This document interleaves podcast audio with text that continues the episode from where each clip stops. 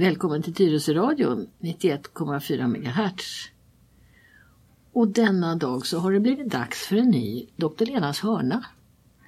Och innan jag gick hit så tänkte jag att jag skulle räkna hur många vi var uppe i nu men det glömde jag.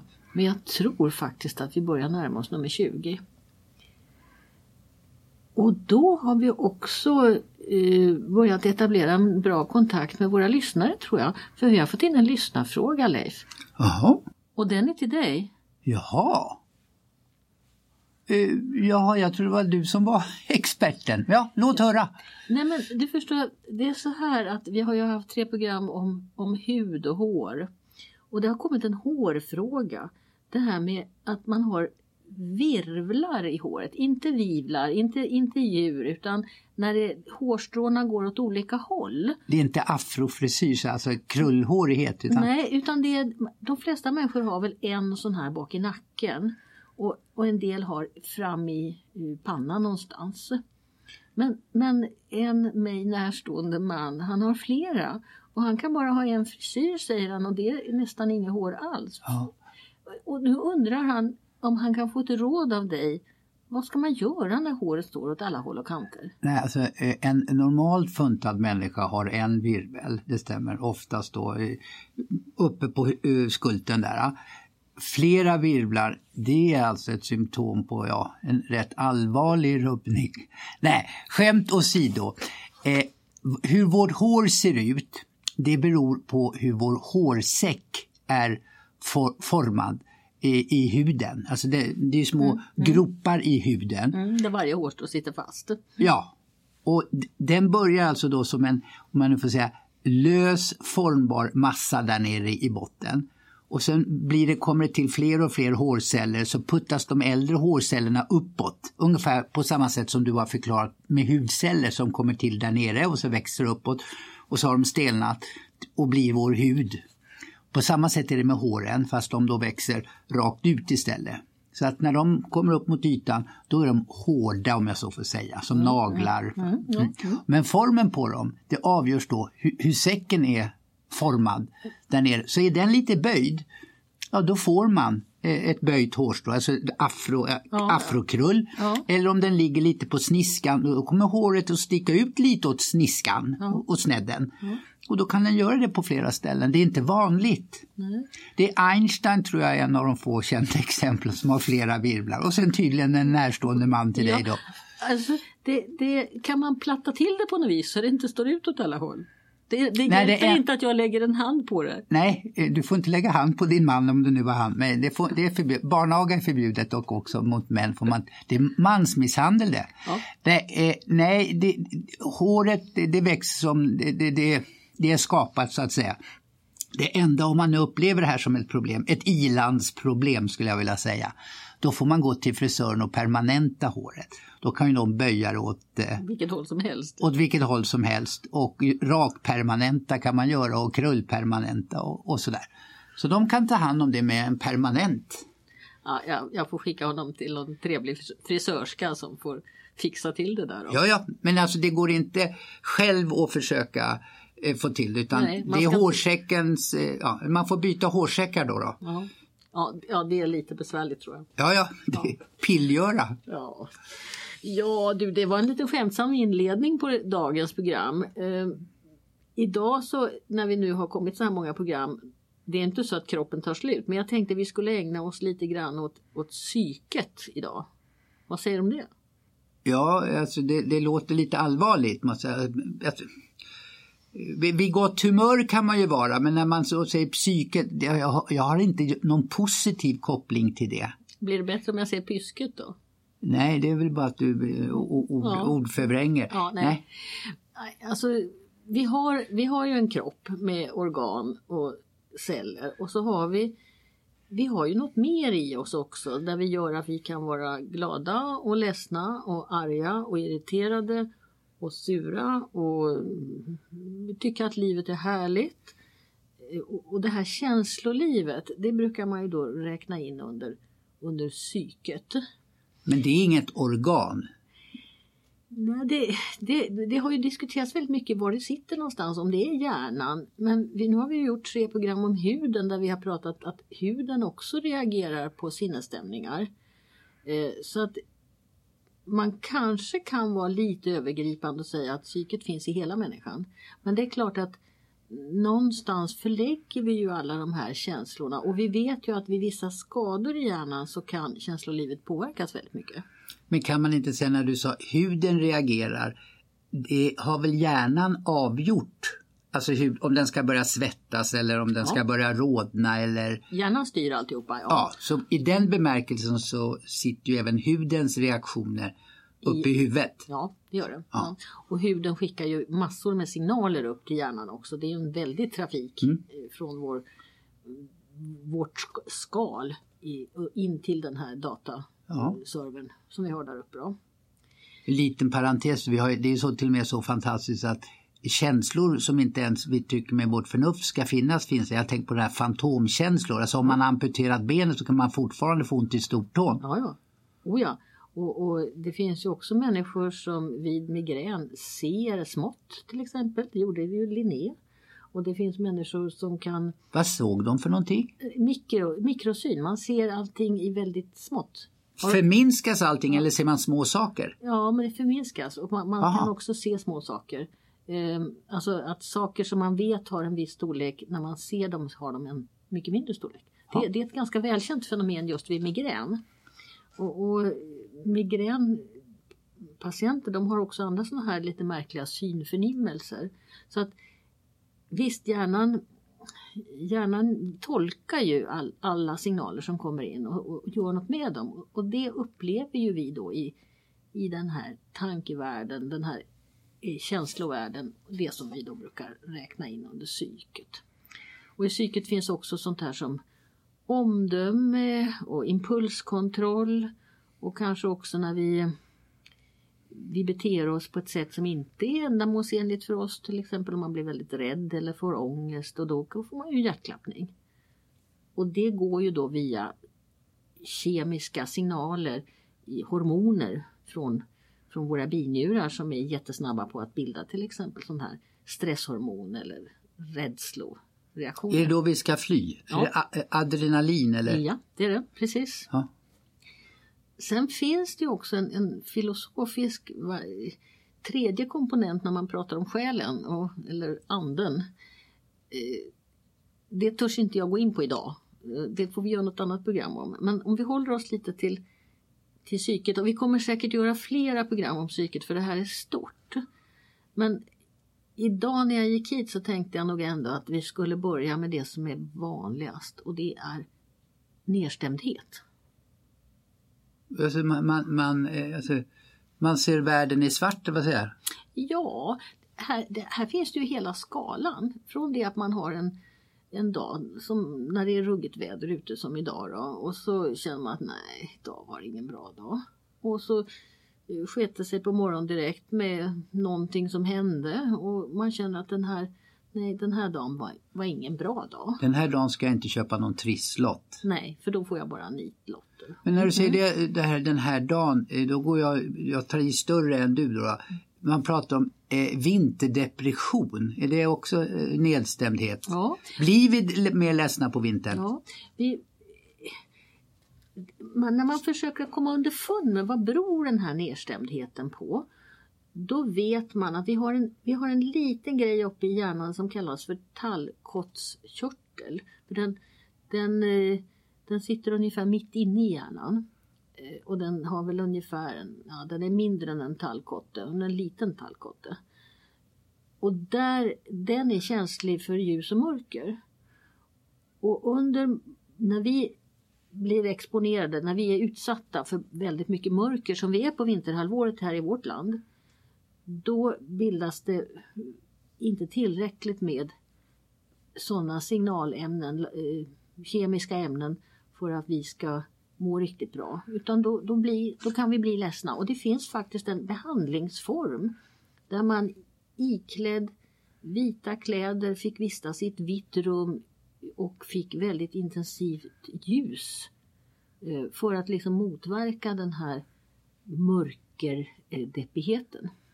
Eh, kan, ska jag dra slutsatsen att det är därför vi är lite solgalna eller vad man nu ska kalla det för. Alltså jippin, idag skiner solen. Alltså, när det då kommer solsken då bildar tallkottkörteln och lyckopiller. Ja, och det är därför vi tycker det är så himla roligt att åka också till länder där vi får ligga och sola. Därför att vi, vi blir lyckliga av solen. Ja, Ja, det är därför min fru sjunger så här. You are my sunshine, my only sunshine. Nu fattar jag. ja. Och en annan sak, det är ju faktiskt att det här är lite smittsamt. Så om du är glad, då blir jag glad också. Ja. Men om du skulle sitta här som en sur gubbe, då skulle ju inte det här bli några roliga program för då skulle jag också bli ganska sur och tycka att det här var ju jättetråkigt. Men hur kan, hur kan tallkottkörteln känna att eh, jag är en sur gubbe? Ja, alltså hur, den här, hur det här känslolivet smittar till en annan individ. Det tror jag inte riktigt någon har en bra förklaring på. Man har pratat en del om att man, när man möter en annan människa så speglar man sig i den människan. Och ett leende framkallar nästan alltid ett leende hos den man möter.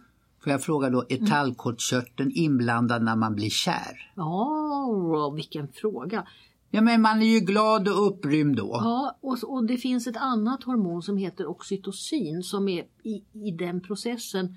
Men om jag nu minns alldeles rätt så bildas det inte oxytocin i tallkottkörteln. Men däremot i, i, i områdena som ligger väldigt nära tallkottkörteln. Ja. Men man ska vara rädd om sin lilla tallkottkörtel i alla Ja, fall. det ska man vara. Och, och man kan alltså bli kär även när det är mörkt. Ja. Ja, mm, det, det, har inte, det, det går. ja, det händer en hel del när man släcker lampan. Precis. Ja. Mm. Mm. Men om vi nu återgår då till de som tycker att livet är lampan är släckt hela tiden.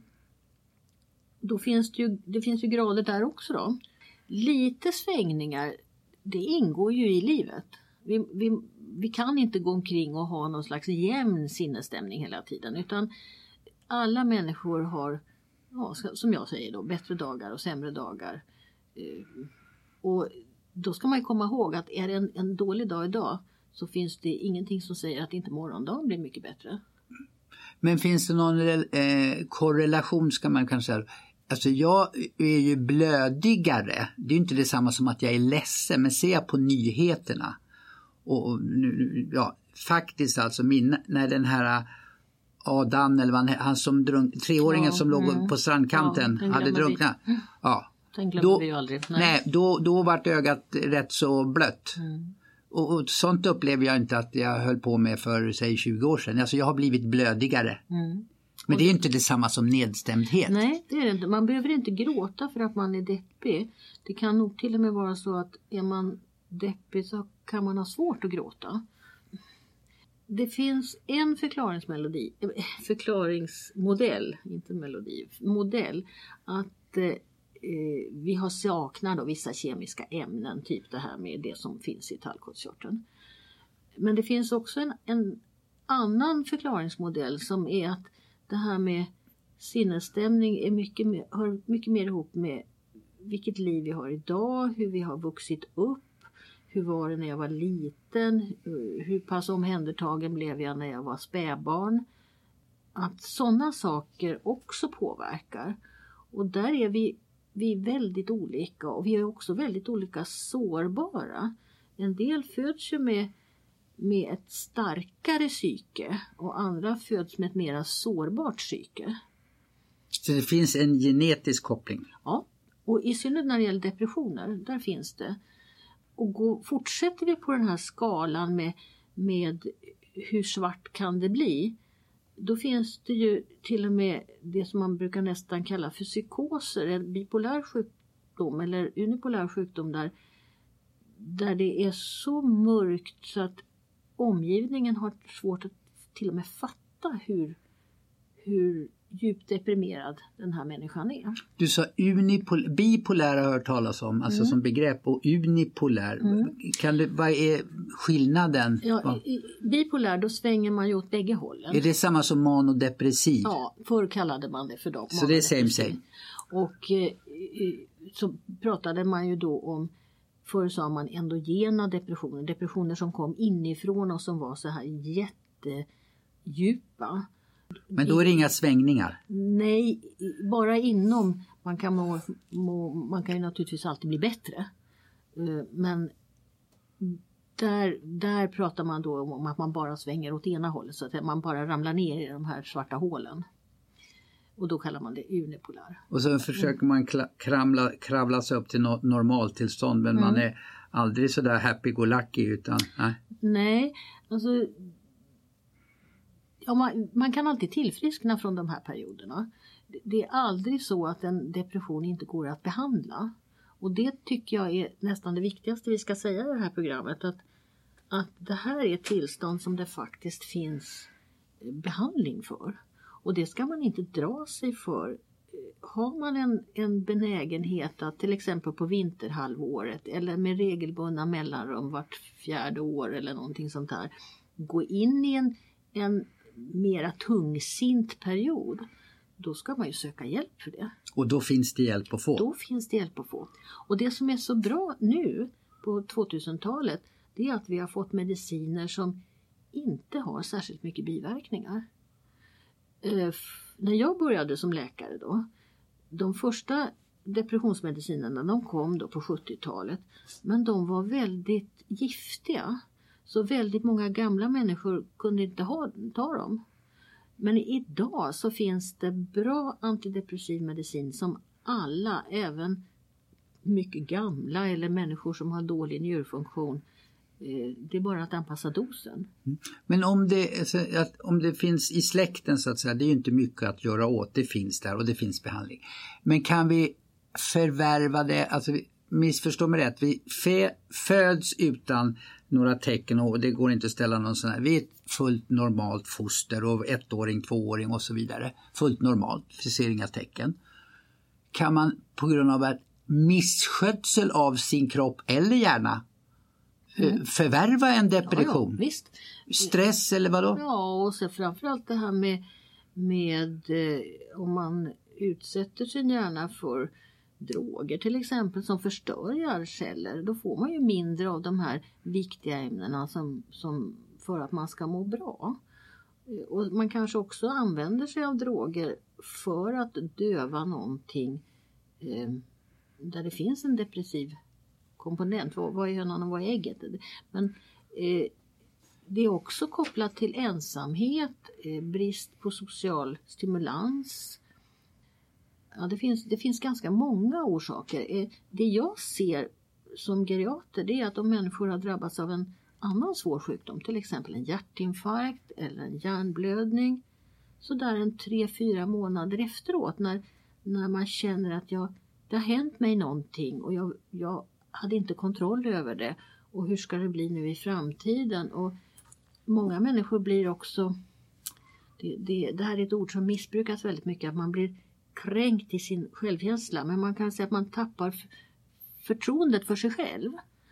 Går man och grubblar över och när ska nästa hjärtattack ja. komma? Eller, ja. ja. och då är det faktiskt ganska vanligt att sådär en tre, fyra månader efter en, att man har varit med om en, en sjukdomshändelse att man får en depression. Men om, om du, du, nu säger det här, att det är rätt vanligt. Mm.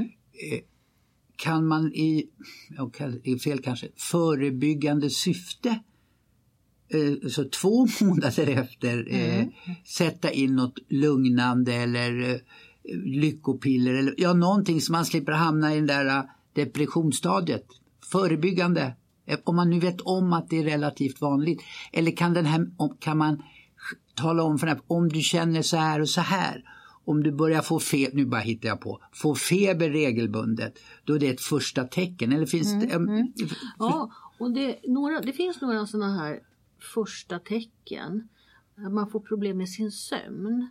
Att man kanske får tankar som man inte har haft tidigare om att jag, jag är inte värd det här. Det här är mitt eget fel eller det här är Eh, tankar som egentligen inte har någon grund. Alltså det är ju inte ditt eget fel att du har fått en hjärtinfarkt. Men man kan känna att ja, det här var typiskt att det skulle hända mig. Och det kan vara någonting på jobbet, man förstorar en situation och tycker att eh, ja, man börjar tänka på ett annat sätt. Ja. Men kan du säga det här, det, det, är inte ens eget fel. Jag kan ju tänka så här, det står så mycket, ja, nu är jag elak här, rätt mycket hittepå-grejer i tidningar. Mm. någon som påstår det ena eller andra. Alltså, säg att eh, morötter har visat sig bra eh, mot eh, alltså ett förebyggande syfte, har någon skrivit, på för att göra sig intressant. Och sen får jag den här hjärtinfarkten, äh, hjärtattacken. Och så kommer jag på, jag har inte käkat morötter. Och då börjar jag anklaga mig själv för att eh, Mm, du var en dålig morotsätare. Mm. Jag var, ja, och då så började det. Så visst kan man ibland bli arg på sig själv att man inte skött sig enligt tidningarnas ja. orden, ordinationer. Men, men eh, egentligen, alltså vi styr Försöker man att ta hand om sig själv, ta ansvar för sig själv, eh, rör på sig, äter vettigt. Eh, ja men det är vad man kan göra. Ja. Om sen man har ett, ett psyke som är extra sårbart och inte, ja, man inte fixar tillvaron riktigt. Då, då ska man ju ha hjälp. Men de här, du pratar om de här första tecknen. Det finns lite sådana här, jag har pratat om att man fyller i eh, lappar för att sätta, svara på frågor. Och det finns bra sådana här skalor för eh, att bedöma hur är en människa deprimerad och hur deprimerad är vederbörande. För det kan ju också vara svårt att sitta och berätta för en doktor hur, eh, hur man mår i psyket. Och det, och det kan vara svårt för en doktor att, att eh, riktigt greppa hur, hur mycket påverkar det här den här människans dagliga liv. Eh, orkar de gå upp på morgonen eller inte? Eh, är man riktigt djupt deprimerad då sätter det sig även i kroppen så att man rör sig mindre. Och blir liksom förstenad både inuti och, och utanpå. Men när du säger det kan vara svårt att prata med doktorn, du menar alltså på nätet finns det tester man kan göra själv? Ja, då, det gör det. Men hur ska man veta att de är jag är ju lite, det finns mycket på nätet mm. och alltså börja med självdiagnoser Eh, igen på samma sätt som jag anklagade tidningarna alldeles nyss. Nej, det ska man inte göra. Men, men däremot att man, har, att man vet om att det finns sådana här skattningsskalor. Och det kan ju också vara bra för omgivningen. Eh, säg då att man, man har någon i sin närhet som man tycker börjar bli förändrad och som känns väldigt nedstämd och man sugs in i det här svarta själv. Eh, då kan en sån här skala vara väldigt bra för den, den sätter liksom det här är normalt, det här är inte normalt, det här är allvarligt, men det här är något som går över. Um, men, hur, mm. förlåt, men hur skulle du säga då, vad är chansen, förhoppningen? Finns någon koppling till om man är deprimerad, är, är man mottaglig för logiska, sunt förnuftsargument? Alltså om jag säger till människa som jag tycker nu har du gått där och, och, och varit moloken eller vad man ska mm, kalla det mm, mm, i en månads mm. tid och, och, och, du bara beklagar det här är inte roligt och, ja, mm. lite nattsvart syn. Är, är de, en del människor är ju så här, nej nej det är inget fel på mig. Nej, alltså, nej. Hur är det med de, människor som deprimerar? Går det att prata med dem? Ja, ja. Och, eh, vanligtvis? Vanligtvis om det inte är en för djup depression. Men, men i början, när det börjar, då går det att prata om det och då gäller det att hitta liksom hur, hur stort är lidandet? Vad innebär det här för den här människan? Och börjar det påverka ens, ens vanliga vardagliga liv? Eh, att man sover sämre, att man blir initiativlös. Aptitlöshet? Att, ja, man går ner i vikt, ingenting är roligt. Eh, där någonstans, då finns det ju ett lidande och det är ofta den som är sjuk medveten om. Så att jag tänker på själv ibland när jag går till någon gammal människa och så säger jag att du, personalen säger att eh, du har blivit väldigt nedstämd, stämmer det? Då kan de ju säga ja, eller så kan de säga nej, det var bara den dagen. Så att man har ofta i början av en eller måttlig depression en ganska bra eh, kunskap om sig själv att det här är det här är inte bra, det här är fel. Men om vi tar ett mm. jättestort perspektiv då. Mm. Det vi matas med, eh, framförallt då dagstidningar, alltså nyheter från hela världen. Då kan man ju bli, alltså vem som helst kan ju bli mm. rätt nedstämd. Mm. Hur mycket av de här, förlåt språket nu lyssna, skitnyheterna, alltså som bara gör en ledsen. Man får ju aldrig läsa något roligt. Mm. Jag brukar säga att jag får läsa en notis om eh, en medelålders man som har eh, drunknat. Mm. Det, det kommer en notis in i tiden men jag får aldrig läsa om lilla Lisa 11-12 år som tar medborgarmärke heter det va? Mm. Mm. Och det, det, tror jag har lite med den här smittsamheten att för att, att hålla det på avstånd så måste vi sprida ut det på andra. Och Det gör ju journalister också förstås. Och sen så så blir det fler som blir engagerade och delaktiga i de här katastroferna. Men, men någonstans så kan ju en, en frisk människa hålla en, en gräns mellan nyhetsflödet och det man upplever själv inom sig. Men när man inte kan hålla den gränsen längre och de här eh, otäcka händelserna som vi ser och hör liksom går in under skinnet. När man liksom så fort man blundar ser den där lilla pojken framför sig. Eh, om man ser honom framför sig en gång om året så är det väl ingen fara. Men om man ser honom varje natt när man ska eh, vaknar vid tretiden. Då, då, har, då har det hänt någonting. Mm.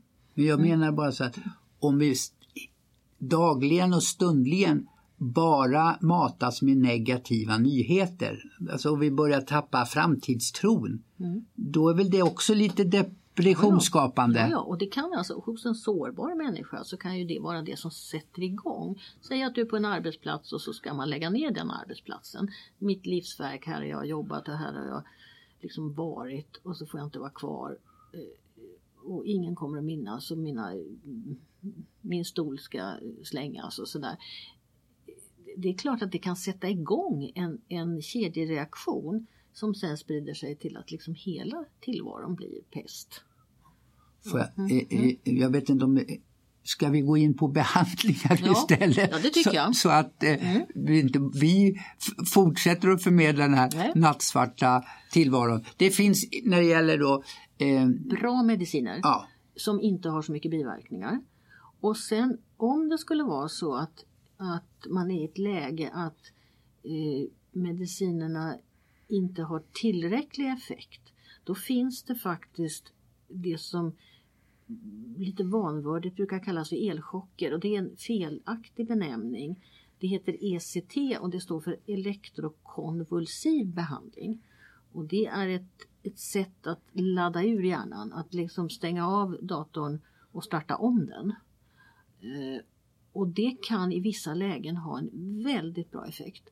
Och det görs inte alls som på filmen Gökboet utan en, en ECT-behandling den går till så att man, får, så man sövs. Det sker i narkos. Och sen eh, den som är med om den här eh, konstgjorda epileptiska anfallet eh, övervakas ju hela tiden.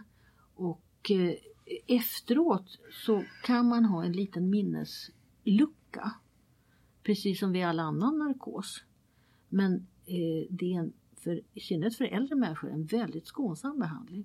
Och det är så tråkigt när det, när det skrivs ner och görs sån här negativ reklam baserad på okunskap. Sen är det helt klart att eftersom vi har så bra mediciner, tabletter, så behövs det inte lika mycket som det gjorde för kanske 20 år sedan. Men det, det, man ska inte glömma bort att det är en bra behandling som fortfarande finns och som används på psykiatriska kliniker. Hur länge, alltså om vi nu har eh, benägenhet, vi är lite mer sårbara, sköra människor mm. Mm. och så får vi eh, mediciner. Är det bromsmediciner eller blir man kurerad eller får man fortsätta med behandlingar en gång? Ja, hur går det till framöver? Vad är prognosen om man... Mm. Eh Socialstyrelsen rekommenderar idag att man behandlar ungefär två år. Sen ska man göra ett försök att sätta ut och då är det väl... Vad då sätta ut? Ja, sluta med medicinen. Ja. Men det här är mediciner som man inte får sluta tvärt med. De ska smygas in och de ska smygas ut. Och det, det är då en doktorn som sköter det, att man liksom får en, man går i en trappa upp och så minskar man eh, lite grann i taget. Sen är väl erfarenheten att många äldre människor eh, kanske fortsätter efter de där två åren. Eh, de, det har nog att göra med att vi har brist på vissa ämnen i hjärnan. Och är man äldre eh, så har man lite svårare att nytillverka sådana där ämnen. Eh, och då kan man behöva de här tabletterna under flera års tid. Men det är som sagt inga mediciner som på något vis påverkar något annat. De är bra. Men menar du då så att en sån där kul och sen är man kvitt eller det, man får lätt återfall eller vad ska Alltså hur ser livet ut? Ja, hur ser livet ut? Um, där är vi nog väldigt olika. En del människor har en benägenhet att få tillbaka just det här vintermörkret. Um, Medan andra kanske bara har en enda episod i hela livet. Men det skulle jag säga att nästan alla människor under ett liv har någon gång en depression. Kanske inte så pass att man använder sig av mediciner men i alla fall så att, att man känner att det var en period i mitt liv då de åren då var det lite tristare. Ja, men man får väl skil- någon gradskillnad måste väl, jag tänker så här när tjejen gjorde slut om man var 14 år mm. och dökär. Mm. Det är klart att det var en jobbig period men mm. man kan väl inte hålla på koppla ihop det med depression eller? Nej. Eh, tonåren är ju en sån där period som är, är känslig och den är också känslig just i de här. Och det, man kan väl säga att de som tar livet av sig idag, det, det är faktiskt ändå fler som tar livet av sig än som dör i trafiken. Det är ungefär tre gånger så många som tar livet av sig än, än trafikdöden. Så, och man brukar, det finns någonting som kallas 30 30-gruppen, alltså det är 30 självmord i veckan i Sverige. Ehm, och då är det de äldre männen, ensamma äldre män, det är en riskgrupp som kanske också har lite missbruksproblem. Och sen är det tonåringar. Ehm, och där har det nog att göra med att man, nervsystemet inte är stabilt riktigt än. Det blir inte stabilt förrän man är uppåt en 25-30 år. Mm. Men, det, ja, men om den här nedstämdheten eller bitterheten för att tjejen har pangat mm. eh, och den förhoppningsvis har gått över efter en månad eller mm. sådär. Mm. Eh, då... det, det gäller ju att stötta de här människorna och att se dem och att fråga. Eh, fråga efter självmordstankar. Och är det någon som har självmordstankar får man fråga lite grann hur, om hur planering, har de tänkt planerat? Det är också så att på de här tre, de här 1500 som lyckas så går det tio gånger fler, det vill säga 15 000 försök som inte lyckas eller där man själva söker hjälp efter det att man har på något vis eh, gjort ett självmordsförsök. Det här att skära sig själv som ibland kom, dyker upp som någon slags epidemi, eller i alla fall mm. i media så mm. går det perioder och helt plötsligt skriver flera mm. om det. Är det, alltså, är det, ja, det något te tecken på Nej, det är, nog, det är mer ett tecken på eh, att någon mår dåligt men det är ju inte ett tecken på att ta livet av sig. Det är svårt att skära av sig pulsådrorna utan det är mer ett självskadebeteende där man gör sig själv illa. Och i och med att man gör sig själv illa så mår man just för stunden lite bättre. Ehm, det är... Men det har inte med depressioner att göra? Nej, det har det inte utan det är mera instabiliteten. Jag tänkte bara, jag skulle säga att det finns om, om, man, om man har i sin närhet någon som man tror är, är självmordsbenägen då, då, finns det lite ställen där man kan få råd och stöd. Eh, vi har pratat förut om 1177, den här allmänna eh, sidan, sjukvårds, gamla sjukvårdsupplysningen. Via den så kan man få kontakt med något som heter nationella hjälplinjen. Och där finns det från klockan ett på eftermiddagen fram till 22 alltid människor som svarar varje dag. Sen eh, finns det en organisation som heter SPES. Och SPES det är det latinska ordet för hopp. Men den här gruppen, där står det också för suicid, alltså självmordsprevention, förebyggande och efterlevande stöd. Så att den som har drabbats av det fruktansvärda att någon i ens närhet har tagit livet av sig, de kan också få hjälp och stöd för att hantera framtiden. Och det brukar man säga att ett självmord det påverkar åtminstone tre generationer framåt. Det är inte så att det bara är en, en affär mellan den enskilda personen och, och dens handlingar utan det är någonting som påverkar eh, kommande generationer i tre, tre led framåt. Alla vet att pappa tog livet av sig eller att morfar tog livet av sig eller att morfars far tog livet av sig. Så det, det påverkar väldigt många människor framåt. Och det ska man nog tänka ett, ett varv på om man nu känner att man eh, skulle vilja gå döden i förväg. Men det är väl också det vi var inne på tidigare att jag som individ, alltså den Mm. efterlevande, eh, kan ju börja anklaga mig själv. Alltså, Mm. Den enas eh, självmord kan leda till min depression. Ja, ja, visst. Oh, ja. Vad gjorde jag för fel? Varför, Ja. ja, varför lyssnar jag inte? Och så vidare. Mycket, mycket frågor kring och, och alltså de här 1530 i veckan det är 30 för mycket i veckan och det är 1500 för mycket per år. Och det, det ska man försöka att eh, se till att de människorna får den hjälp de behöver. Men är de svårt nåbara? Alltså, hur- Det är olika. det är okej. Men, men alltså, man har inget att förlora på att fråga och sätta sig, vara nära och finnas. Nej. Och, och som sagt, det finns då också, det finns ytterligare en sån här organisation som man kan hitta på nätet som heter Mind, M-I-N-D. eh, Mind.se och de hittar man också via något som heter Självmordslinjen. Så att man kan alltså få råd och stöd. Eh, Det finns bra skrifter man kan läsa om vad ska jag göra om jag till exempel har en klasskompis, om jag är tonåring och har någon i klassen där som jag är orolig för. Vad ska jag göra? Eh, eller om jag har någon i min närhet, i min familj eller så. Så att det finns, det finns ganska mycket hjälp att få. Och det, det är vår skyldighet som medmänniskor att se till att den som mår dåligt får hjälp. Mm.